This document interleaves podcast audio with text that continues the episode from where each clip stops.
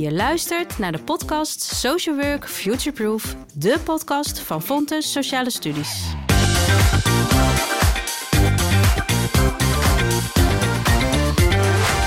Welkom bij deze aflevering over jongensprostitutie. Ik ben Dana Veringa en vandaag ga ik in gesprek met Evie Heinrichs. Uh, Evie, welkom. Evie, je hebt de afgelopen periode uh, een, een onderzoek uitgevoerd naar jongens in de prostitutie.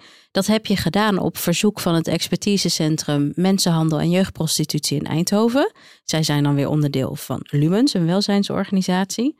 Zij zijn ook expert op het gebied van jongens in de prostitutie, uh, um, al dan niet gedwongen. Kun jij iets meer vertellen over de rol en functie van dit expertisecentrum? Wat doen zij precies? Het expertisecentrum is opgezet omdat uh, uit de cijfers bleek dat er in deze regio, omdat Eindhoven toch wel een, een, grensstreek, uh, een grote stad in de grensstreek is, uh, veel jongensprostitutie voorkwam. En jongensprostitutie is altijd gelieerd aan andere criminele activiteiten. Het is meestal niet iets op zichzelf staands. En dat maakt het nog eens extra ingewikkeld. En daardoor zitten jongens nog meer klem. En was er een, een, vraag om te kijken van wat is er nou uh, nodig om die jongens te vinden en te kunnen helpen. En um, gaat het in dit geval over jongens die vrijwillig in de prostitutie actief zijn of jongens die gedwongen in de prostitutie Altijd gedwongen. Altijd gedwongen. Daar heb jij je specifiek op gericht in dit project. Ja. Uh, zij zijn met een vraag naar jou toegekomen. Wat was eigenlijk precies hun vraag? Waar heb je hun bij geholpen? Um, de, de, mensen die werkten voor het expertisecentrum kregen vragen hoe, uh, om, ja, zeg maar, om uit te leggen wat, wat voor tips ze hadden voor andere hulpverleners die gingen werken met jongens. Uh, ja, wat er nodig was, waar, waar je die jongens het beste mee kon helpen. En niet alleen om ze, als ze al in beeld zijn, maar ook om ze in beeld te krijgen. Hè, waar kun je ze vinden en hoe kun je het vertrouwen winnen en hoe kun je aan de slag gaan. En al heel snel kwamen zij erachter dat er dus iets anders nodig was dan bij de, de meiden die in de prostitutie zaten. En om dat specifieke andere in kaart te brengen, is dit onderzoek gedaan. En om antwoord te kunnen geven op die vraag van hoe doen we dat eigenlijk, het vinden, binden en behouden van jongens in de mm -hmm. gedwongen prostitutie, uh, heb jij data verzameld bij verschillende respondenten. Kun jij eens iets vertellen over wie je zo al gesproken hebt? Ik heb eigenlijk uit heel Nederland heb ik uh, hulpverleners gesproken die contact hebben met de jongens. Maar ook een aantal uh, ervaringsdeskundigen. Zelfs iemand die nog in die prostitutie zat. Maar een aantal mensen ook die er al, uh, of een aantal jongens die er dus al een tijd uit waren. Uh, de mensen van het expertisecentrum zelf heb ik allemaal gesproken. We hebben data opgehaald bij een groot congres over grensoverschrijdend gedrag en jeugdprostitutie. En zo hebben we eigenlijk heel gevarieerd opgehaald om te kunnen kijken van wat zijn nou de gemeenschappelijke kenmerken van de benadering van deze jongens. En daar, op deze hele grote dataset heb jij een analyse uitgevoerd. En die analyse heeft uiteindelijk geresulteerd in een attitudeprofiel. Yes. Kun jij iets vertellen over dat attitudeprofiel? Uit welke componenten is dit profiel opgebouwd? Het zijn er helemaal niet zoveel. En als je ze leest, denk je ook van je zou ervan uitgaan dat uh, uh, iedereen die in de hulpverlening zit daar heel erg goed in is. Maar het is meer de onderliggende uh, verantwoording die maakt dat dit belangrijke items zijn. Dus het gaat bijvoorbeeld om betrouwbaarheid. Van als je zegt dat je iets doet, doe dat dan ook. Uh, het gaat om een, een niet-oordelende houding. Dat uh, als je er iets van vindt, van prostitutie in het algemeen of van jongensprostitutie, iets negatiefs dus, en uh, waarin je dus niet accepteert dat die jongen in de situatie zit waarin die zit, dan moet je denk ik niet met deze jongens gaan werken. Mm -hmm. Dus je moet proberen om een niet-oordelende houding te hebben. Um, als je uh, met die jongens gaat werken, dan moet je in staat zijn om in het hier en nu stappen te zetten waarmee je het vertrouwen wint. En niet lange lijnen uit gaan zetten met hulpverleningsplannen die uh, jaren beslaan. Want het gaat er meer om dat je heel praktisch uh, op het moment iets voor iemand kan doen, waardoor je vertrouwen wint. Dat op het moment dat iemand er echt uit zou willen, dat je dan degene bent waar ze aankloppen. Ja. En dat zijn dingen die natuurlijk iedere hulpverlener meteen herkent. Maar uh, in dit geval, bij deze jongens, is het zo dat als uh, uh, zij voelen dat ze veroordeeld worden, ja. dan is de vertrouwensband meteen stuk. En die vertrouwensband is het allerbelangrijkste in dit contact.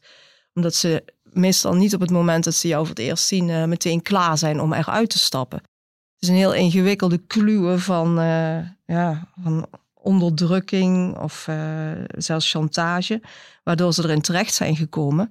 En er zit een schaamte onder uh, van het feit dat ze dit soort handelingen doen. En uh, daar zijn ze echt nog niet zo ver om dat open te leggen. En bijvoorbeeld dat de familie daarachter komt. Er zitten, ze weten echt wel dat er een oordeel op zit. En dat mensen denken van ja, maar je bent toch een jongen, dus waarom loop je niet gewoon weg en zeg je bekijk het maar, ik doe dit niet.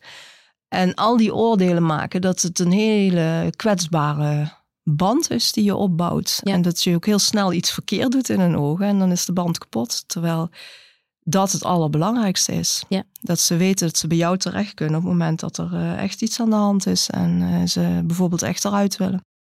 En als je een klein aantal fundamentele attitudeaspecten uit het profiel uh, zou mogen noemen. Welke aspecten zouden dat dan zijn? Welke zijn echt fundamenteel belangrijk als het gaat over het werken met jongens die in de gedwongen prostitutie actief zijn? Ben echt. Ja. Uh, ben betrouwbaar. Heb geen oordeel en handel in het hier en nu. En een van de aanleidingen um, um, voor jou om dit onderzoek uh, te doen is geweest. We hebben als professionals wel ervaring met het werken met meiden die in de gedwongen prostitutie zitten, maar niet met jongens. Mhm. Op basis van jouw bevindingen, zijn er elementen waar je als professional rekening mee moet houden die fundamenteel anders zijn in relatie tot jongens dan tot meiden in deze gegeven context? Ik denk dat het belangrijkste is dat de jongens zich geen uh, slachtoffer willen voelen. En dat meiden daar niet zo'n moeite mee hebben. Meiden kunnen hun kracht halen uit het feit dat ze gezien worden als slachtoffer en daarbij dus hulp kunnen accepteren van allerlei mensen om zich heen en instanties om eruit te komen. En daarbij erkennen ze dus ook zelf dat ze slachtoffer zijn van de omstandigheden. Die jongens, die willen niet als slachtoffer gezien worden. En zij uh, kaderen het in hun hoofd zo dat ze zelf de regie nog hebben. Hè, dat het ze ook iets oplevert. Of eh, dat ze in ieder geval uh, niet gedwongen worden, maar zelf nog steeds uh, aan het stuur staan. En daarom kun je ze niet benaderen alsof dit omstandigheden zijn waar ze zelf geen invloed op hebben, onder druk zijn gezet, slachtoffer zijn. En je ze moet helpen. Zij willen zelf de regie behouden. En wat betekent dat voor professionals bijvoorbeeld in termen van taalgebruik? Dat je het woord slachtoffer in ieder geval sowieso moet vermijden. En uh, uh, dat je aan moet sluiten bij waar iemand is en hoe die er zelf over nadenkt, zelfs in taal. Uh, dus op het moment dat je iemand zielig maakt of het is je allemaal overkomen en ik zal je helpen, ik ga je redden, dan help je iemand dus juist niet. Want de machteloosheid, het zelf geen grip hebben op de situatie, wordt dan alleen maar groter. Terwijl je deze jongens verstevigt door ze juist in hun kracht te zetten. En dezelfde stappen die je misschien wel gemaakt hebben dat ze erin kwamen, kunnen ook de stappen zijn die je helpen om er weer uit te komen. Maar dan moeten ze wel zelf aangeven welke stappen dat zijn. En, en met welke fasering ze dat willen doen, op welk moment welke stappen. En in welk tempo, ja. Ja. En um, het, uh, het mooie aan onderzoek doen binnen een HBO-context is dat we de bevindingen niet alleen naar de werkpraktijk brengen. Dat heb je uiteraard ook gedaan. Het attitudeprofiel is ook richting het expertisecentrum gegaan en breder gedeeld. Maar we integreren het ook in onze onderwijsprogramma's. Zou je eens kunnen vertellen hoe deze attitudeaspecten landen, bijvoorbeeld in een bacheloropleiding zoals social work? Het hele attitudeprofiel wordt sowieso uh, uh, gebruikt in de, in de minor jeugd, waar uh, veel mensen dus in aanraking komen met deze doelgroep, zonder vaak dat ze het weten. Hè? Dus dan is het belangrijk dat ze leren signaleren en in ieder geval de uitgangspunten van hoe te handelen een beetje tussen hun oren hebben. Maar wat misschien nog wel belangrijker is, is dat het om echtheid vraagt hè, met deze jongens te, te werken. Dus als jij als professional heel dicht bij je mens zijn moet staan, dan moet je dus ook weten hoe je in elkaar zit en uh, wat je kwaliteiten zijn, maar ook wat je blinde vlekken of je allergieën zijn, wat je oordelen zijn, wat je waarden zijn. En daar kom je tijdens de opleiding achter door uh, ja, allerlei vormen van intervisie, supervisie, uh, door je studentcoaching, door kritisch naar je professioneel handelen te kijken en te onderzoeken wat daar nodig is. En pas als je jezelf echt heel goed kent, kun je ook echt zijn in het contact. Echt zijn in het contact. Het blijft echt als rode draad terugkomen. Hè? Ja. We naderen het einde van deze uh, aflevering. En um, wat mij tijdens het gesprek te binnen schiet is... Wat zou jouw advies zijn aan alle ouders die nu denken... Um, oh, ik heb een jongen en dat betekent ook dat ik me dus zorgen zou moeten gaan maken of kunnen maken over dat deze zoon wellicht ook onder ongelukkige omstandigheden in gedwongen prostitutie zou kunnen belanden. Een situatie die we vooralsnog vooral met meiden uh, associëren.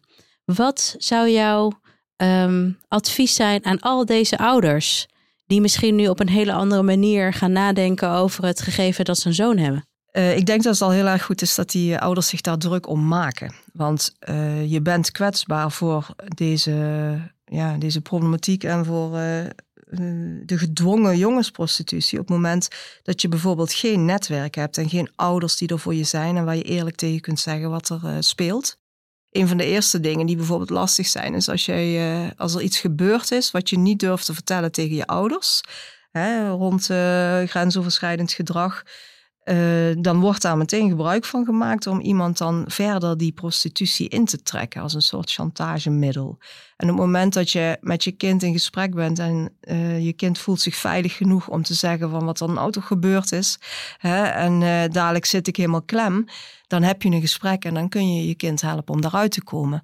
Maar wat we dus gemerkt hebben in de interviews, is dat het al veel verder was toen die jongens er überhaupt over wilden gaan praten. En uh, dan is er al zoveel gebeurd en dan zitten ze soms al zoveel klem, niet alleen in die prostitutie, maar ook in andere criminele activiteiten, dat het ook gevaarlijk wordt om te praten. Dus de ouder die zich zorgen maakt, die moet vooral uh, in gesprek blijven en het kind uitnodigen om, uh, om alles te vertellen wat hem dwars zit. Ja, en dat geldt dus niet alleen voor meiden, maar ook voor jongens. Ook voor jongens, zeker ook voor jongens. Want die vinden het gewoon nog veel moeilijker om daarover uh, zelf te beginnen. Dus als je uitnodigend bent als ouder om ook eens te vragen van... God, wat, wat houdt je bezig, hè? Of uh, wat, wat ben je moe, uh, wat is er aan de hand? Ga het gesprek aan. En denk niet, ik durf er niet naar te vragen, want er kan van alles achter zitten. Ja, ja. We zijn aan het einde gekomen van deze podcastaflevering. Ik wil je hartelijk bedanken voor dit gesprek. Graag gedaan.